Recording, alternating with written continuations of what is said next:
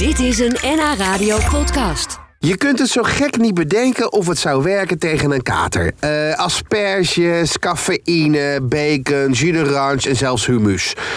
Nou, de echte carnavaller weet natuurlijk het antwoord wel. Maar toch geven we jou graag een paar tips om een kater dit weekend tijdens carnaval te voorkomen. Je krijgt ze van de man die alles weet over alcoholgebruik tijdens carnaval. Martijn Planken. Ja, feest! Ja, la la la la la la. Ja, la la la la Bij welk biertje moet ik nou stoppen? Eigenlijk bij het eerste. Nee, kijk, een, een biertje is leuk, biertje is gezellig. Waarom? Het ontspant. wijntje, hè? Ja, een wijntje, een biertje, wijntje. Het ontspant. Dus lekker in sociaal ge- eh, gelegenheden is dat zo. Maar het punt is, dat, dat, dat doet eigenlijk alleen de eerste twee biertjes. Dus als je die dan drinkt om een beetje los en ontspannen te worden, is er helemaal niks aan de hand. Ja. Maar stop dan en ga over op iets anders. Bij twee stoppen eigenlijk, daar komt het op. Daar komt het eigenlijk op. Ja,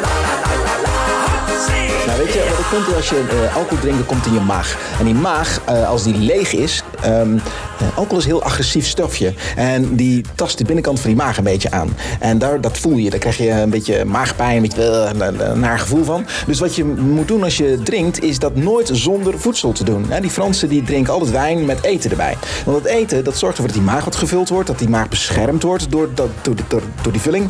En dan kan die alcohol erbij en dan heeft dat niet zo heel erg Dus biertje, frikadelletje, biertje, kroketje, biertje, kaasvleetje. Ja.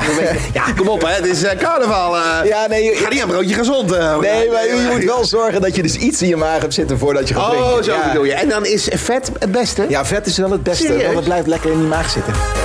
Ik ben vandaag zo dronken, zo dronken, zo dronken. Ik ben behoorlijk dronken, zo dronken was ik nooit. Ik hoor seks. Seks is, schijnt echt een goeie te zijn om van je kater af te komen. Eh, Daar heb ik echt nog nooit van gehoord. Nee? Nee, nee, daar heb ik echt nog nooit van gehoord. Die antikaterpillen die verkocht worden, die werken echt. Nee, die werken niet. Dat is onzin. Nee, dat is zo leuk. Het zijn, het zijn net zoals van die nepverjagers, weet je wel. Het is een pilletje waarvan je denkt dat het hel- helpt. En dan helpt het misschien ook een beetje. Maar het is natuurlijk gewoon onzin. Het is een vitaminepreparaatje wat altijd goed is om te slikken. Maar daar niet van. Maar het helpt echt niet tegen een kater. Serieus. Nee. Weet je wat nog beter helpt? Is het water wat je inneemt om het pil te slikken. Dat water dat helpt nog beter dan het pilletje zelf.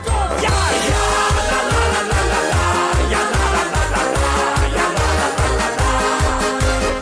la la. S ochtends na de kater, neem een paar koffie, want er zit cafeïne in, is goed tegen de hoofd. Ja, nee, dat, is- dat, eh, wat het punt is, ehm, cafeïne dat is een, een, een stimulerend middel. En dus als je dat drinkt, dan eh, gaat je lichaam weer in een activatiestand staan. En als je gewoon een beetje eh, lamlendig bent, het is net als eh, dat je kook zou lopen sluiven. en- Maar dan is er wat, wat gematigde eh, versie ervan. Oftewel, je, maar het, het, het, het zorgt niet dat je nuchterder wordt. Helemaal niet zelfs. Het zorgt alleen dat, dat de pep van de, van, de, van de koffie, die overstemt de verdoving van de alcohol. Kan bijna niet meer lopen, de bar die is open. Dus dan gaat hij nog een keer. Zeg, André Hazes uh, zong er al over. Het beste medicijn. Is eh, te beginnen waar je mee geëindigd bent. Ja, dus gewoon weer keihard doorgaan. Ja, nou, precies. Dat, dat doe je met carnaval, Ja, toch? precies. Nou, nou, en eigenlijk is dat hetzelfde als een paracetamol slikken. Je hebt een pijn eh, en een pijnstiller is alcohol is ook een verdovend middel. Dus je verdooft daarmee de pijn. Maar het is een beetje een verkeerde manier om, eh, om Ja, dat begrijp ik maar werkt het? Nou ja, werkt het, werkt het. Ik, eh, eh, ja, Als ik, je, als ik jullie zo zie hossen, dan denk ik, nou, vier dagen achter elkaar, hè. Vier dagen, of het zijn het er drie? Nee, het zijn er vier. Oh, vier, ja, vier dagen. Vier, dat kan helemaal niet zonder dat je, ja, er moet iets, eh, toch? Ja, nee, het zit denk ik in ons, eh, in ons Brabants worstenbrood, denk ik. Ja, maar, ja. eh, ja, nee, ik, ik, ik weet het ook niet. Maar het beginnen waar je mee geëindigd bent is niet goed. Stop, stop op tijd ehm, ehm, en, en neem een stevig ontbijtje. En dat is lekker. English breakfast ook lekker, weet je wel. Of, Ja. of Brabants Moet je worstenbrood. ook net uh, trekken hebben. Ja, moet- ja, maar meestal is, er- valt, dat wel, valt dat wel mee. Wat is de beste tip die hij geeft? Ja, weet je, ehm las pauzes in. Weet je wel, vier dagen achter elkaar zoveel zuipen, dat werkt gewoon niet. Dat gaat niet. Dan ben je aan het eind ben ten eerste kapot. Ten tweede heb je de helft niet meer meegemaakt. En ten vierde, je hebt een week nodig om te herstellen. Als je nou gewoon pauzes inlast. Pak, pak zeg nou dat je één of twee avonden echt goed doorgaat. En de andere avonden het gewoon een beetje rustiger aan doen. Dan hou je het langer vol. En het is ook gewoon veel beter voor je lichaam.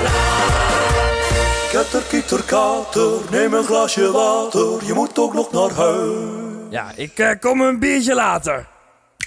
Dit was een NH Radio podcast. Voor meer, ga naar nhradio.nl.